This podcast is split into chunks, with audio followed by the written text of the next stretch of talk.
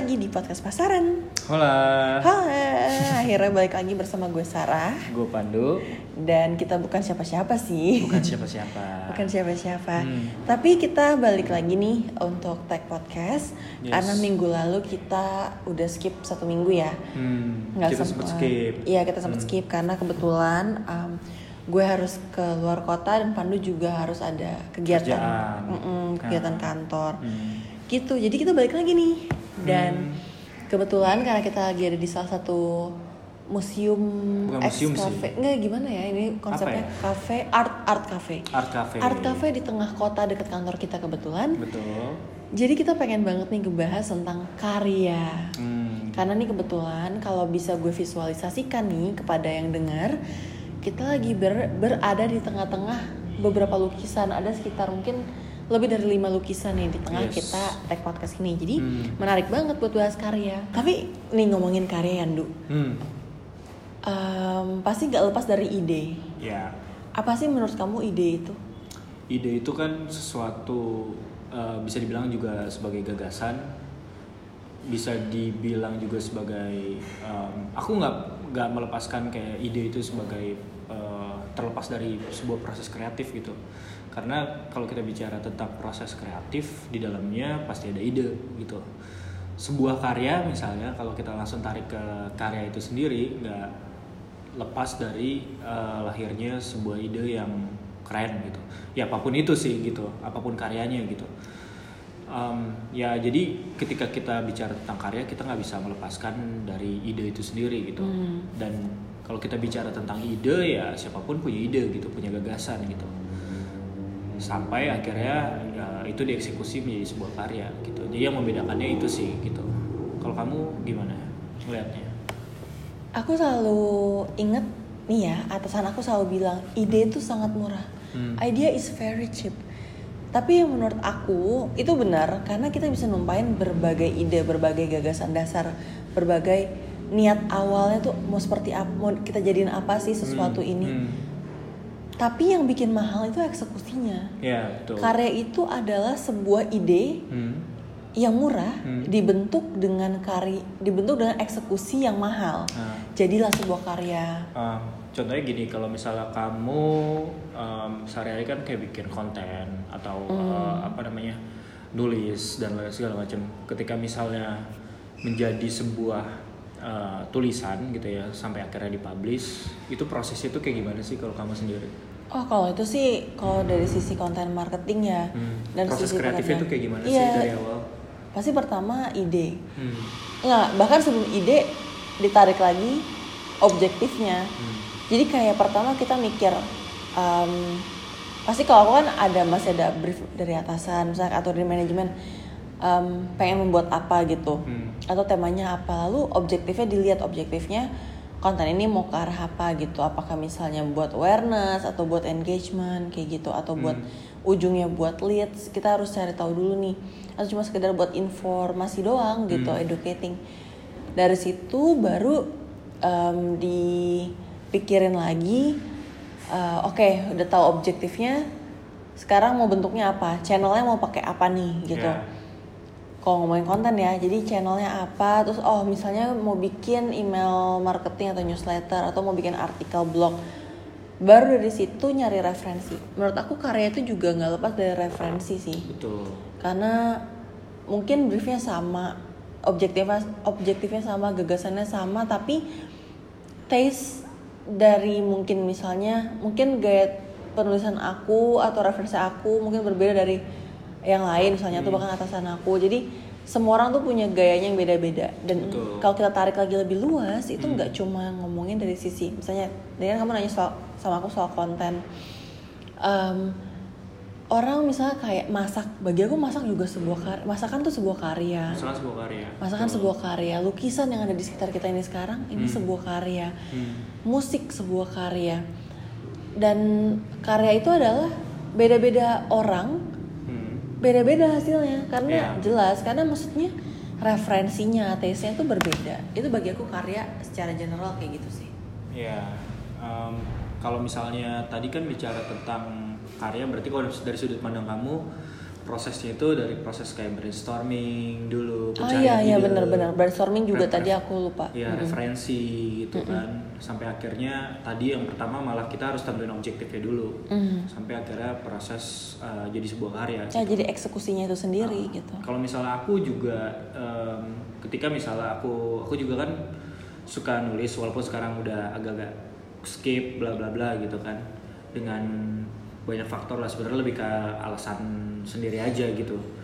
Tapi kalau misalnya aku misalnya bikin tulisan gitu ya, pertama aku pasti ngelihat dulu em, gaya penulisan yang pengen aku bikin gitu.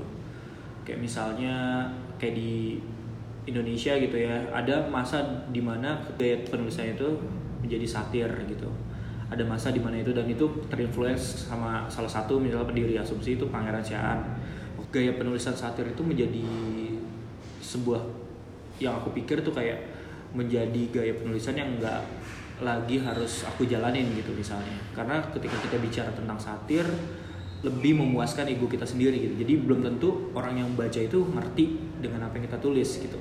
Jadi kayak sekarang misalnya aku lebih uh, misal aku nulis gitu lebih kayak penggalian informasinya gitu lebih kayak data pencarian data segala macam. Jadi untuk memperkuat tulisan aku memperkuat gagasan aku prosesnya kayak gitu gitu. Lebih kayak kalau bahasanya di jurnalistik itu misalnya kayak jurnalisme data jadi bener-bener kita pengen kayak objektifnya apa dulu kita pengen mau deliver apa dulu habis itu baru kayak uh, datanya itu kayak gimana gitu.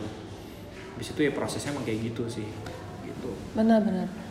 jadi emang masing-masing tuh setiap orang tuh punya punya proses kreatif sendiri ketika bicara sebuah karya gitu. Jadi apa pun itu bahkan tweet pun gitu ya tweetnya yang keluar dari akunnya itu ya adalah sebuah karya gitu proses kreatif gitu. karena sekarang kayak misalnya salah satu uh, demand menurut aku demand yang cukup gede di uh, zaman sekarang tuh ya content writing gitu. Content writing dianggap sebagai sebuah yang apa sebuah sebuah pekerjaan gitu ya sebuah profesi yang dianggap kayak kayak mudah gitu dan segala macam. Padahal kayak di era sekarang kreativitas diuji dan segala macam itu menjadi sesuatu yang mahal gitu.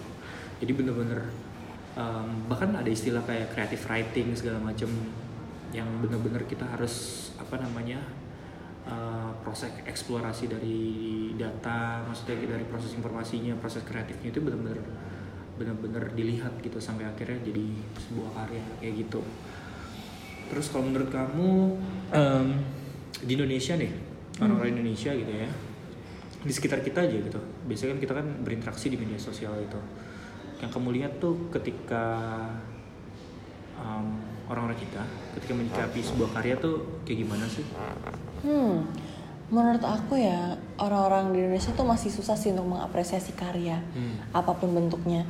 Tadi kamu sempat menyinggung Twitter atau tweet juga ada sebuah karya. Hmm. Kayak kemarin kan sempat ada yang viral itu ada salah satu akun yang ternyata kopas-kopas Yes. em, kopas-kopas ini ya tweetnya kayak Virsa Besari. Jadi Hmm. em, Nggak- nggak cuma dia, banyak dan sih. beberapa seleb tweet lainnya gitu. Maksudnya benar-benar kopas untuk mendapatkan kayak like yang banyak segala macam Hmm. itu baru salah satu ada lagi kemarin salah satu selebgram yang terkenal juga Hmm. itu ternyata beberapa waktu lalu udah gak lama sih ternyata tapi baru keungkap aja dia kayak ngambil em, istilahnya kayak nyaplok lah salah satu gambar atau beberapa gambar yang nggak orang yang nggak terlalu terkenal Hmm. ilustrator gitu tapi em, dia klaim selebgram ini klaim karya itu sebagai punya dia kayak Oke. gitu untuk kontennya Hmm. dan hal kayak gitu kan dimonetisasi kan maksudnya em, akunnya juga jadi banyak Hmm.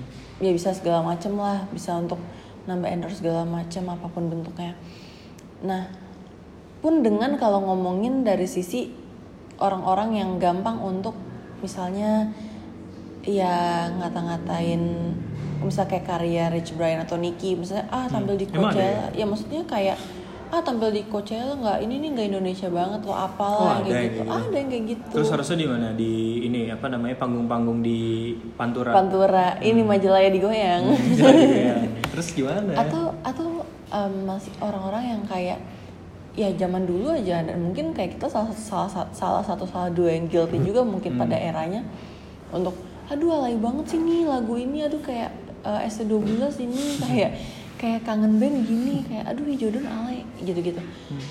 Pada akhirnya aku menyadari bahwa minim apresiasi gitu sampai detik ini karya-karya bahkan jujur aja misalnya kayak tempat kita sekarang ini deh gitu Um, atau beberapa museum-museum yang lagi terkenal lainnya museum kontemporer lagi naik daun gitu kan berapa banyak sih orang yang benar-benar datang untuk menghargai um, atau dia datang emang by purpose kayak pengen melihat karyanya Iya pengen lihat bukan karya, pengen pengen menilai, gimana ya bukan pengen melihat kan tiap tiap seni kan selalu ada kayak referensinya ya, maksudnya di Betul. di, di sekitar itu siapa sih authornya atau siapa sih pelukisnya kayak gitu gitu. Hmm. Adakah mereka datang benar-benar ingin menghargai karyanya atau ternyata cuma jadi tempat selfie aja, cuma jadi background background selfie untuk konten Instagram ya, hal-hal yang kayak gitu yang menurut aku karya, benar-benar karya itu agak sulit di Indonesia ya. Kayaknya aku melihat Tingkat kurang apresiasi. apresi- Iya, tingkat apresiasinya cukup kurang. ya Even kayak cyberbullying, Hmm. misal kayak uh, mungkin orang yang cover lagu atau apa orang Indonesia atau apa. Ya orang Indonesia mudah untuk kayak ngebash ya. orang-orang kayak ih jelek lo atau kayak itu sana jelek atau ini alay banget iya segala macam. Ya. Gitu. Apresiasi ke, ke karya yang masih skala kecil sampai skala besar tuh menurut aku minim sih kalau di sini. Kalau aku sih nggak bisa narik konteks ketika misalnya ditanya uh, gimana orang Indonesia menyikapi sebuah karya, uh, kemudian bisa ditarik ke tingkat literasi kita terhadap informasi gitu, misalnya tingkat baca buku Indonesia itu kayak gimana gitu. Karena aku percaya ketika misalnya ketika misalnya kita punya literasi terhadap informasi yang itu tinggi gitu ya, literasi terhadap apa namanya akses baca buku dan lain-lain. Kayak misalnya kan kita salah satu negara kalau dari kalau nggak salah kan dari sekitar 60 atau 61 negara kita peringkat kedua dari bawah gitu dari tingkat tingkat literasi maksud tingkat um, baca buku kita gitu. Dan dan aku percaya ketika misalnya keter- ketertarikan terhadap literasi baca-bacaan segala macam itu akan meningkatkan juga tingkat apresiasi kita terhadap ya sebuah karya. Walaupun walaupun em, bahkan kayak misalnya untuk dari sisi apresiasi dan segala macam kalau kita bicara dalam konteks em, profesi aja ya bahkan kayak misalnya media-media ya bukan hanya di Indonesia sih sebenarnya. Kejadiannya media-media yang di luar pun juga masih melakukan kayak pencurian terhadap uh, karya entah oh tulisan iya iya betul. entah tulisan atau foto dan lain sebagainya gitu. Ya. dan dan aku percaya ketika misalnya media yang harus jadi uh, corong di mana dia harus uh, menjadi contoh gitu ya kepada kita semua. Kemudian kalau misalnya masih melakukan pencurian terhadap karya tulisan foto dan seba- segala segala macamnya gitu. Ya apa yang mau diharapin gitu. Jadi menurut aku tingkat apresiasi yang kamu bilang masih rendah itu aku aku setuju gitu ya. Aku setuju kalau untuk di ya di Indonesia walaupun nggak mau menarik ke dalam konteks generalisasi semuanya ya ada orang yang uh, ngerti gitu proses uh, kreasi itu mahal sebuah karya itu mahal dan proses kreatif prosesnya panjang dan libat ngelibatin banyak orang Um, kalau kita uh, tarik lagi kalau menurut kamu tuh jenis karya itu ada apa aja sih kayak gitu oke Hmm. jenis karya tuh em, ya kayak tadi aku sempat mention sedikit ya kayak masakan bagi aku karya Hmm. tapi bener-bener karya itu yang kayak misalnya tulisan skripsi itu Ya. juga karya karya Eh, lukisan Hmm. foto Hmm. Em, ya kayaknya musik kayaknya bahkan film apa pun yang kita buku, ya semua. apa pun yang kita lihat dan kita kenakan tuh kayaknya karya iya adalah sebuah bahkan karya, gitu. arsitektur juga sebuah karya gitu Iya.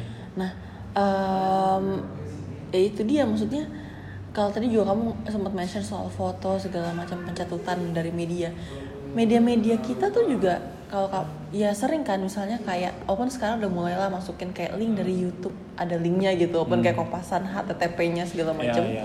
tapi beberapa media di Indonesia tuh kayak ngambil konten dari YouTube tuh gampang banget gitu tanpa Hmm. nyantumin kayak kreditnya siapa gitu Iya. mereka gampang banget untuk misalnya ngambil klip-klip untuk misalnya tujuh ini terbaik tujuh ini terlucu misalnya atau apa tapi kayak ya itu asal ambil itu dilakukan oleh media-media yang besar Hmm. even Em, yang kayak media seperti Lambe Turah tuh yang kayak misalnya mereka ngambil kontennya juga nyatut-nyatut gitu Hmm. ya itu sih kayak gitu dan kalau ngomongin karya lagi ada satu karya yang menurut aku dari secara ide mahal eksekusinya mahal banget dan keren banget dan Dan dekat. dan dekat Hmm. Iya dan lagi relevan lah semua orang lagi omongin Iya. Itu film Parasite Oke, kenapa menurut kamu Parasite itu sebagai sebuah karya yang menurut kamu mahal dan segala macam ya gitu sampai akhirnya dia menang eh, Oscar. Oscar iya Hmm. Nah, salah satu film Asia pertama kan yang menang Oscar Iya. kan. Karena dari waktu pertama banget aku nonton aja, aku ngeliat ini tuh kayak mereka bener-bener si sutradaranya ini berani untuk ngambil fenomena yang pertama relevan Hmm. dengan detail-detail yang detail yang bener-bener bagus, yang Yes. bener-bener plotnya tuh alus awalnya kita nggak tahu dibawa ke mana Ya. original menurut aku original, Original fresh banget sih. Hmm. fresh banget konsepnya Hmm. kita dibawa ketawa kita dibawa kayak oke ini lucu oke Hmm. ini kayak relevan sama kehidupan sehari-hari kayak perbedaan kelas itu nggak cuma di Korea Selatan di kita itu Ya, yang kayak ya, makin kayak miskin makin, makin miskin dan mereka dalam satu tempat yang sama Hmm. itu sering terjadi pembohongan segala macam Ya. itu biasa itu hal yang Ya, dekat ya. dengan siapa pun Ya. lalu di tengah ke akhir spoiler gitu ya spoiler spoiler alert ya kita dibawa kaget untuk kayak oke ternyata plot twistnya tuh oke mungkin ada beberapa orang kayak ah nggak plot twist plot twist amat tapi dan yang kita dibawa ketawa yang kita dibawa film itu kayak Deg-degan. deg-degan sampai bener-bener kayak oh shit kayak ini apaan cuy gitu Hmm. sampai yang takut sampai aku yang kayak nutup mata beberapa kali kayak oh shit kayak Hmm, hmm, hmm. nggak expect gitu Iya. O- walaupun kayak ya maksudnya hal-hal itu tuh yang kayak menurut aku idenya original eksekusinya mahal Hmm. karya jadi bagus banget Iya. dan masyarakat Korea Selatannya pun mengapresiasi Iya. dan apresiasi juga dilakukan gak cuma dari segi masyarakat tapi lembaga-lembaga perfilman yang mendukung di Korea Selatan Yes. jadi mereka tembus festival tembus festival dan juga dapet lah untuk kayak di ibaratnya di notice lah sama worldwide sampai bisa masuk Oscar Hmm. dan menang Hmm. gitu Ya, yang kalau menurut aku em, yang menarik dari Parasite adalah di balik eksekusi eh, sutradaranya Bong Joon Ho yang emang keren gitu. Kayak misalnya ada Okja dan lain segala segala macam ya maksudnya film-film sebelumnya gitu. ini Snowpiercer juga ya Ya, ya. kalau yang aku lihat itu lebih kayak ini sih. em, kita tuh dipapar sama ditampilin sama eh, kondisi sosial ekonomi yang bener-bener eh, real dan dekat dengan kita gitu. Iya. Misalnya ada si miskin dan si kaya ya kontras ya gimana kesenjangan itu ada jadi bener-bener itu uh, dan aku suka ketika misalnya sebuah film itu emang bener-bener ditarik uh, ada purpose nya gitu. Walaupun beberapa sutradara misalnya di Indonesia kayak misalnya uh, bikin sesuatu ya udah. Gue ini ide gue gitu tanpa harus kayak um, niatan ini harus dibawa ke konteks A B atau C gitu. Tapi melihat kayak Parasite itu bisa menang dari sisi uh, apa namanya ide itu benar-benar mahal gitu benar-benar origin gitu original banget genuine. Hmm. eksekusinya juga bagus banget gitu kan. Dan secara alur juga menarik gitu tapi ya dibalik itu yang bikin aku menarik ya tadi kita ditampilin sama bener-bener kesenjangan ekonomi yang bener-bener kelihatan dalam satu film gitu. Iya. Bahwa kesenjangan ekonomi itu benar-benar ada gitu. Dan dan apa namanya kita itu mungkin ngerasa kayak em, seharusnya kayak bagi yang menonton pun kita harus dibuat sadar juga untuk kayak eh ini tuh kondisi itu ada gitu loh. Iya. Dan dan semuanya itu mungkin terjadi di belahan dunia gitu. Kayak misalnya em, dulu tuh ada istilah eh, eh, 99% mereka sering melakukan aksi di Wall Street. Simboliknya itu sampai akhirnya ya Occupy itu terjadi di mana-mana gerakan itu gitu. Gerakan eh, 99% itu gitu. Artinya em, selain eh, sebuah karya itu ya nggak menurut aku nggak berdiri sendiri.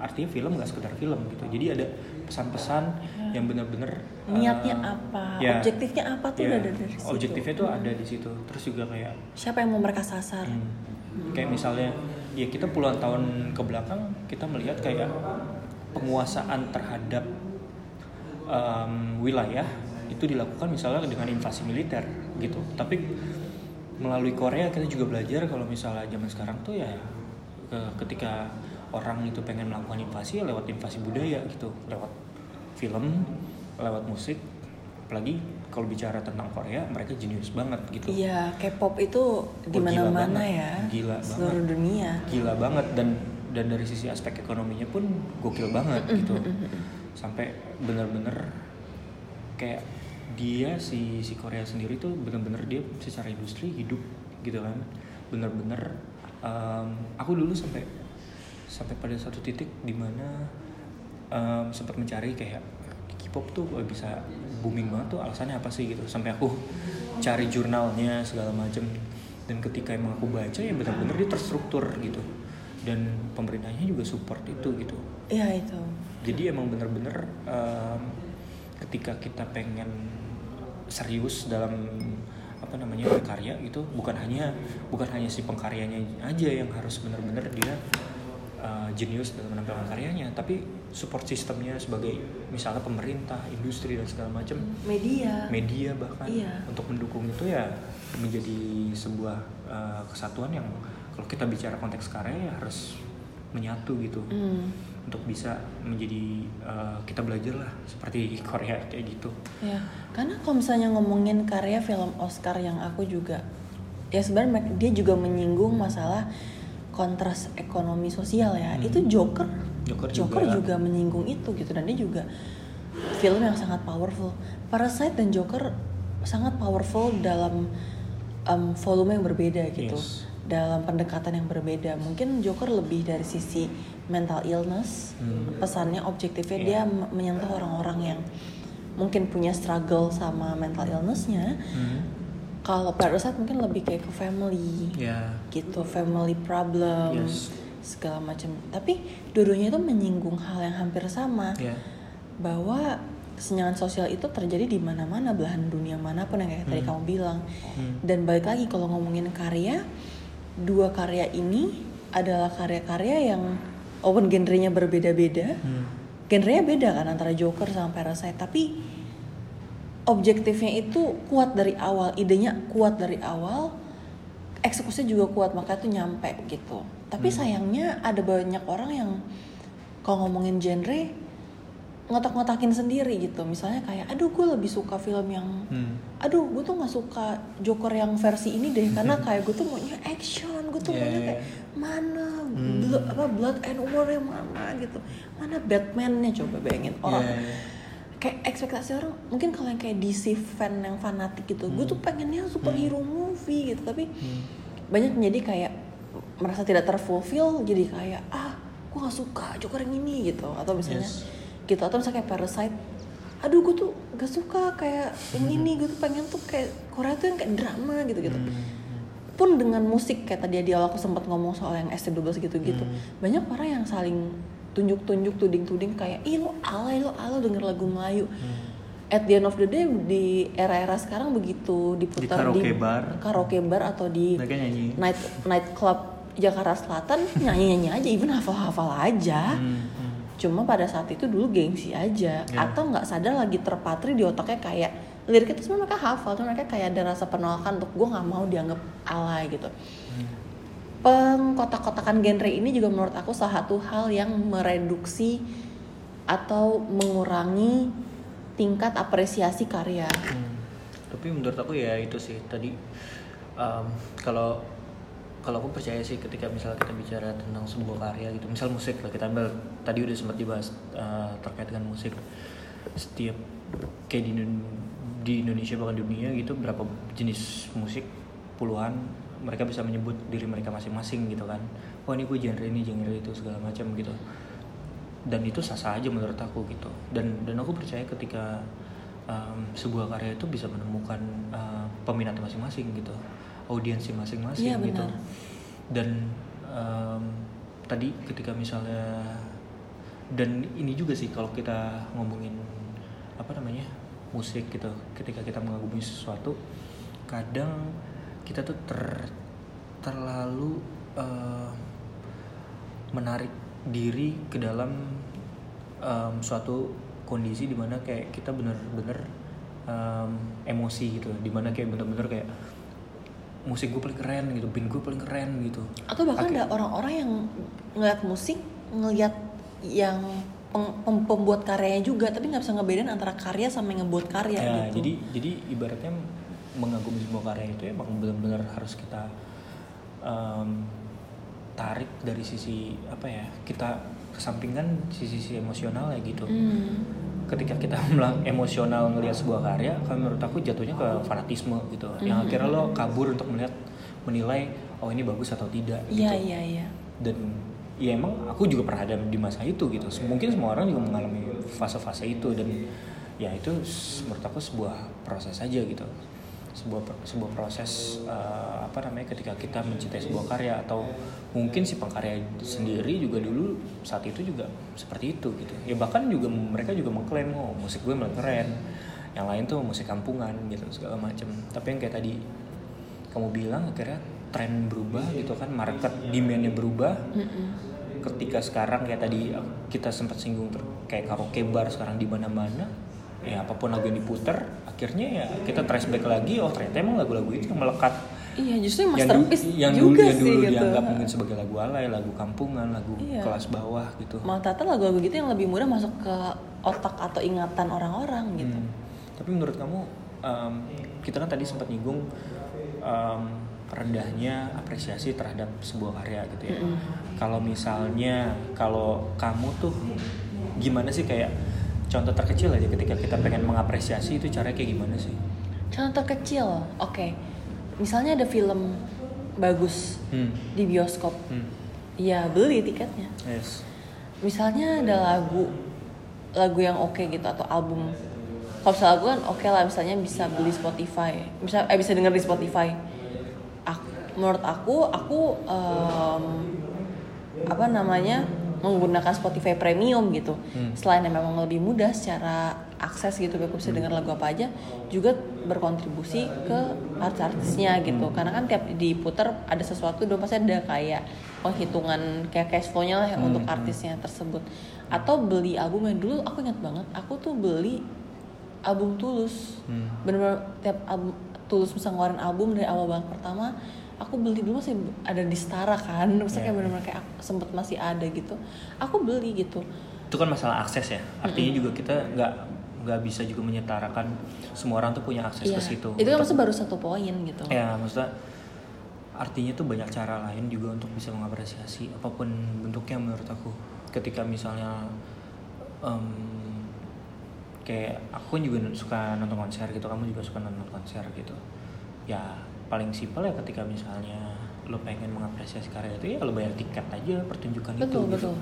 Biar pertunjukan dan akhirnya ekonominya tumbuh, industrinya tumbuh gitu ketika misalnya uh, industrinya tumbuh, ya pengkarya-pengkarya yang keren-keren akhirnya melihat gitu ya, atau potensial pengkarya itu akan melihat oh ternyata industri tumbuh, gue bisa masuk ke sini. Dan ketika um, ekonomi apa namanya ekonomi scale yang kelihatan di situ, ya ekspektasi kita adalah sebagai misalnya penikmat musik otomatis ketika si pengkaryanya ini ibaratnya bahasanya kayak kaya lah terus nggak mikir ya akhirnya karya lebih bagus gitu. Mm. dan itu juga yang menurut aku jadi sebuah support system gitu. Jadi karya itu juga nggak bisa berdiri sendiri. Ketika misalnya karya itu ada terus nggak bisa cara untuk memasarkannya nggak bisa tahu cara menikmatinya hanya di keep doang ya gimana caranya orang tahu gitu Iya, karena em, kalau ngomongin selain dari masalah beli tiket, beli em, film segala macam, ca- salah satu cara mengapresiasi karya juga adalah dengan memberitahu. Misalkan ada beberapa yang, aduh underrated sebenarnya nih karyanya bagus tapi nggak Ya, banyak orang tahu. betul. Sebenarnya sesimpel kita share. Hmm. Ibaratnya, oh tempat ini bagus, oh nih eh, karya ini bagus, lukisan ini bagus, Hmm. film ini bagus. Share, share aja kasih tau ke teman-teman, share ke orang-orang.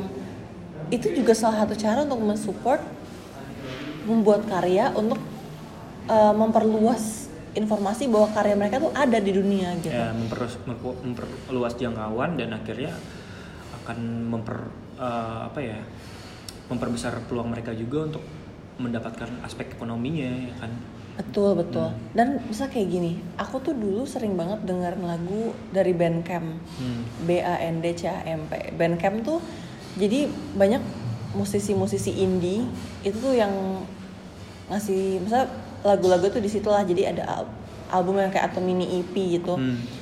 Itu semuanya ada di situ dan banyak genrenya gitu. Aku dikasih tau sama salah satu teman aku kan. Hmm.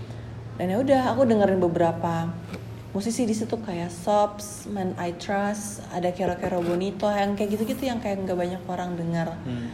Nah, em, abis itu salah satu artis yang aku sering dengar yaitu Man I Trust itu pernah datang ke Indonesia. Hmm. Nah, waktu itu kayak aku ngerasa wah kesempatan nih aku pengen nonton langsung gitu. Hmm. Dan ya udah bener begitu aku nonton aku tuh kayak se-happy itu dan aku kayak share itu, maksudnya kayak aku Hmm. share di sosial media dan kayak aku bisa ngajak temen aku juga untuk kayak ayo nemenin non- nonton konser ini dan Hmm. dia jadi suka juga maksudnya itu adalah salah satu apa ya salah satu cara atau upaya juga untuk kayak mengapresiasi artis-artis yang mungkin belum terlalu besar gitu untuk menjadi lebih dikenal banyak orang gitu dan di saat mereka lagi show atau lagi apa ya udah kayak jadi support sistemnya dalam bentuk bisa beli tiket kayak atau ya, apa gitu. ya ya, bener sih Em, aku yang paling dekat emang kalau bicara tentang eh, karya dan di mana aku spend eh, uang aku untuk beli sesuatu ya ke musik sih sebenarnya. Hmm. gitu. Kayak misalnya aku juga em, dulu sempat ngumpulin em, merch gitu kayak beli bajunya atau beli eh, CD-nya atau datang ke konser gitu. Dan menurut aku ya kita juga ketika misalnya kita uh, menyukai sesuatu kita juga harus menurut aku ya eksplorasinya tuh juga harus lebih bukan hanya sekedar melihat oh iya nonton konser seru. Tapi kalau dari aku sendiri tuh aku kayak berusaha untuk pelajari industrinya itu kayak gimana gitu. Gimana misalnya beberapa artis juga mereka suffer untuk ya artis gede gitu mereka suffer ketika berada di major label gitu misalnya potongannya gede banget gitu. Dan mereka mengandalkan benar-benar dari um, apa namanya off air gitu konser-konsernya Iya, even event. jualan merchandise. ya even menjual jualan mer- merchandise gitu jadi kayak benar-benar kita perlu juga melek uh, sebagai penikmat uh, sebuah karya kita harus melek juga terhadap industrinya industrinya support nggak nih terhadap si pengkaryanya ini gitu kalau aku sih uh, kayak gitu walaupun ya itu hanya satu dibandingkan uh, banyak juga kan jenis-jenis industri yang lainnya gitu Hmm. kayak disuruh ngomongin tentang gimana sih industri terkait dengan ya misalnya kayak uh, kayak lukisan atau patung aku juga nggak bisa nggak bisa ngomong tentang terlalu jauh karena aku nggak berada di apa di area itu tuh sebagai even sebagai penikmat pun ya sangat sangat kecil kecil banget maksudnya sangat jarang banget untuk melihat itu gitu jadi aspek ketertarikan itu juga benar-benar mempengaruhi Ya, juga, itu juga gitu salah satu faktor. Hmm. Tapi kalau aku percaya sama common sense ya, misalnya kalau mis aku dan kamu mungkin sama-sama yang nggak terlalu into kayak misal museum, Ya, seni yang gitu-gitu. Tapi misalnya kita berada di suatu tempat atau kayak di, di- sekarang deh gitu kita lagi ada di banyak lukisan segala macam. Satu cara apresiasinya adalah juga dengan tidak merusak Ya, tempat betul. ini atau enggak nggak maksudnya- vandal lah ya nggak vandal terus misalnya kalau ada tempat-tempat kayak museum macan tuh maksudnya Hmm. cara untuk menghargainya ya ya itu misalnya kalaupun ngejadiin sebagai ba- background selfie doang tuh kayak juga ada penghargaan yang tertentu. Ya kadang you you know what to do lah. Kadang-kadang tuh kayak common sense tuh harus ada aja gitu. Betul sih. Untuk menjaga tetap menjaga barang Ya, gitu. tapi emang kalau aku uh, biasanya aku ngunjungin suatu kota gitu ya yang aku cari tuh bener-bener uh, otomatis biasa orang kan landmark kan pasti landmark apa kayak gitu. Tapi aku selalu explore karena akan sayang ketika misalnya kita ngunjungin suatu tempat dan aku nggak kenal gitu tempat itu Hmm. cara kita pernah bahas terkait yang kulineran gitu Iya. cara kenalin suatu tempat paling mudah ya lewat makanan iya itu paling mudah banget gitu caranya gitu untuk ngeliatin oh ternyata misalnya daerah ini ciri makanannya kayak gini Hmm. tapi ya di di samping itu juga ya aku sebenarnya kalau aku ngunjungin satu tempat tuh aku bener-bener tertarik aspek sejarahnya gitu kayak aku juga sering sebenarnya sering datang ke museum gitu untuk tahu ada perjuangan apa sih di daerah itu ada peristiwa apa di eh, di daerah itu. Dan emang bener sih ketika misalnya banyak juga aku juga datang ke misalnya ke museum gitu dan nggak terawat kayak gitu bener-bener. Terus bahkan yang mengelolanya pun mungkin ya mereka nggak sejahtera jadi akhirnya udah malas aja gitu. Iya, iya dan benar. dan em, apa ya dari situ kan kita bisa melihat perjalanan eh, historik entah suatu tempat atau perjuangan segala macam walaupun juga nggak bisa melepaskan diri. Kalau misalnya sebuah eh, karya kayak misalnya di entah patung museum itu ada ya apa namanya aspek-aspek politis bahkan propaganda. Dan justru ketika ketika misalnya uh, kita mencoba untuk mengerti mencoba untuk tahu akhirnya oh ternyata kayak gini prosesnya kayak gini gitu. Ya bahkan ada satu museum di Jakarta yang aku nggak mau datang ke sana gitu. Karena emang aspek kelam sejarahnya yang um, yang benar-benar tuh ya saat itu ya rezim itu membuat museum itu untuk um, ibaratnya apa ya membawa sebuah propaganda yang akhirnya dipercaya sama masyarakat Indonesia gitu. Dan beberapa patung-patung lainnya yang benar-benar oh ternyata pesannya ini pesannya itu pesannya itu jadi setiap benar-benar ketika sebuah rezim gitu menghasilkan sebuah karya even film itu film propaganda kita ngerti lah yang dulu yang diputar misalnya September gitu Yes. plus PKI Karena Jadi- anak sekolah yang sebenarnya tuh nggak boleh banget sih, Ya. secara mental mengganggu. secara mental mengganggu dan dari situ kan kita bisa tarik apa ya em, pesan yang ada di situ oh ternyata emang pengen mengglorifikasi sesuatu gitu jadi Iya. aspek-aspek politis itu emang benar-benar kelihatan jadi karya Hmm. tuh benar-benar yang aku bilang tadi nggak berdiri sendiri ada pesan di baliknya Karena pasti selalu ada objektifnya dari awal. Ya, selalu ada. Sebelum terjadinya ide itu atau bahkan bahkan mungkin bersamaan, Hmm. objektif dan ide itulah yang membentuk karya itu seperti apa. Hmm. Gitu. Tapi itu kan dari tadi kita ngomongin karya dari sisi makro nih, karya yang besar dikenal publik. Ada juga loh cara untuk em, menghargai karya yang mikro. Hmm, gimana tuh Kadang nggak nggak sih teman-teman kita yang pekerja desain, hmm.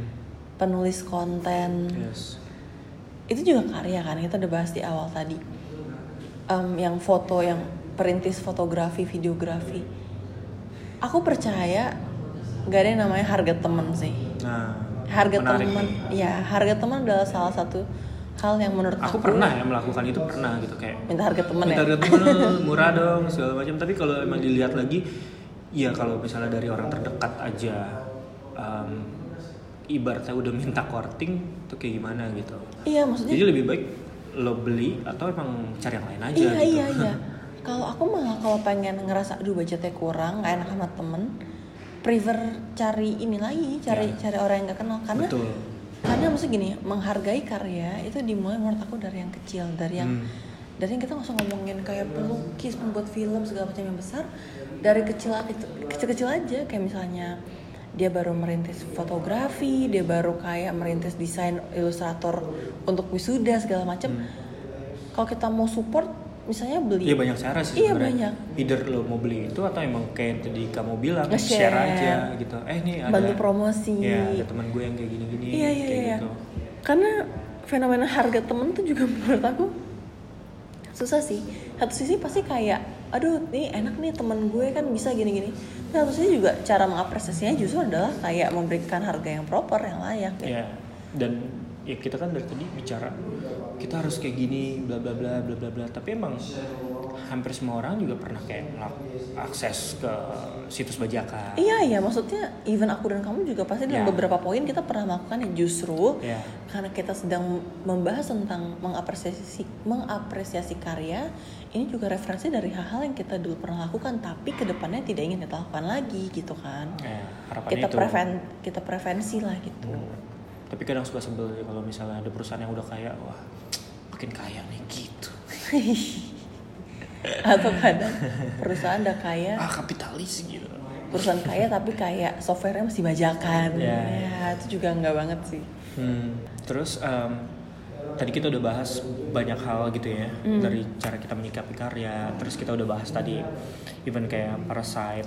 Terus gimana misalnya Korea itu bisa eh, industrinya bisa tumbuh gitu.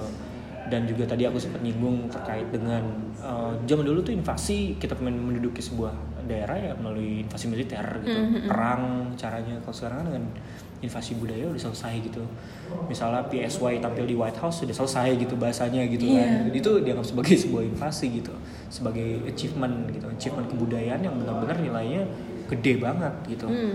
nah em, mungkin kita bisa tutup dengan em, pertanyaan apa sih karya favorit kamu gitu itu kenapa misalnya dan apa apa namanya sisi mungkin ya sisi emosionalnya kenapa itu menjadi sebuah uh, karya yang kamu pilih gitu kamu bisa pilih satu atau banyak serah Hmm, dimulai dari kamu. kok aku Iya, dimulai dari kamu coba. Hmm. Kita tutup dengan apa sih karya apa sih karya favorit Pandu Wicaksono dan apa alasannya? karya favorit em, karya favorit aku ya nggak jauh dari musik gitu sebenarnya sih. Ya misalnya ditarik kayak band band favorit kayak gitu ya. Band favorit bahkan kayak album gitu.